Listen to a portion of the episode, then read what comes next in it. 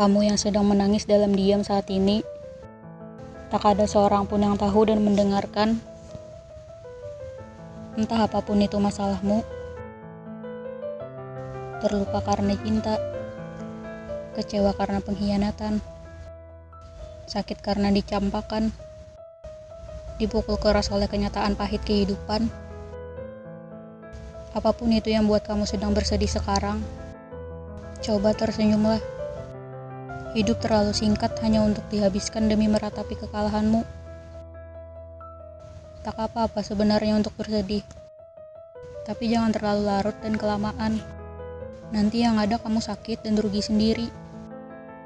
Pula, kamu cuma sendirian. Ngadapin semuanya sekarang. Gak ada satu orang pun yang mau dengerin kamu ngomong. Gak ada juga orang yang mau bela pendapat kamu.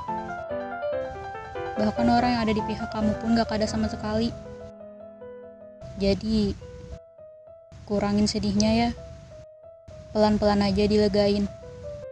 Sendirian bukan berarti kamu harus terpuruk. Luka yang diobati sendirian juga bisa sembuh kok.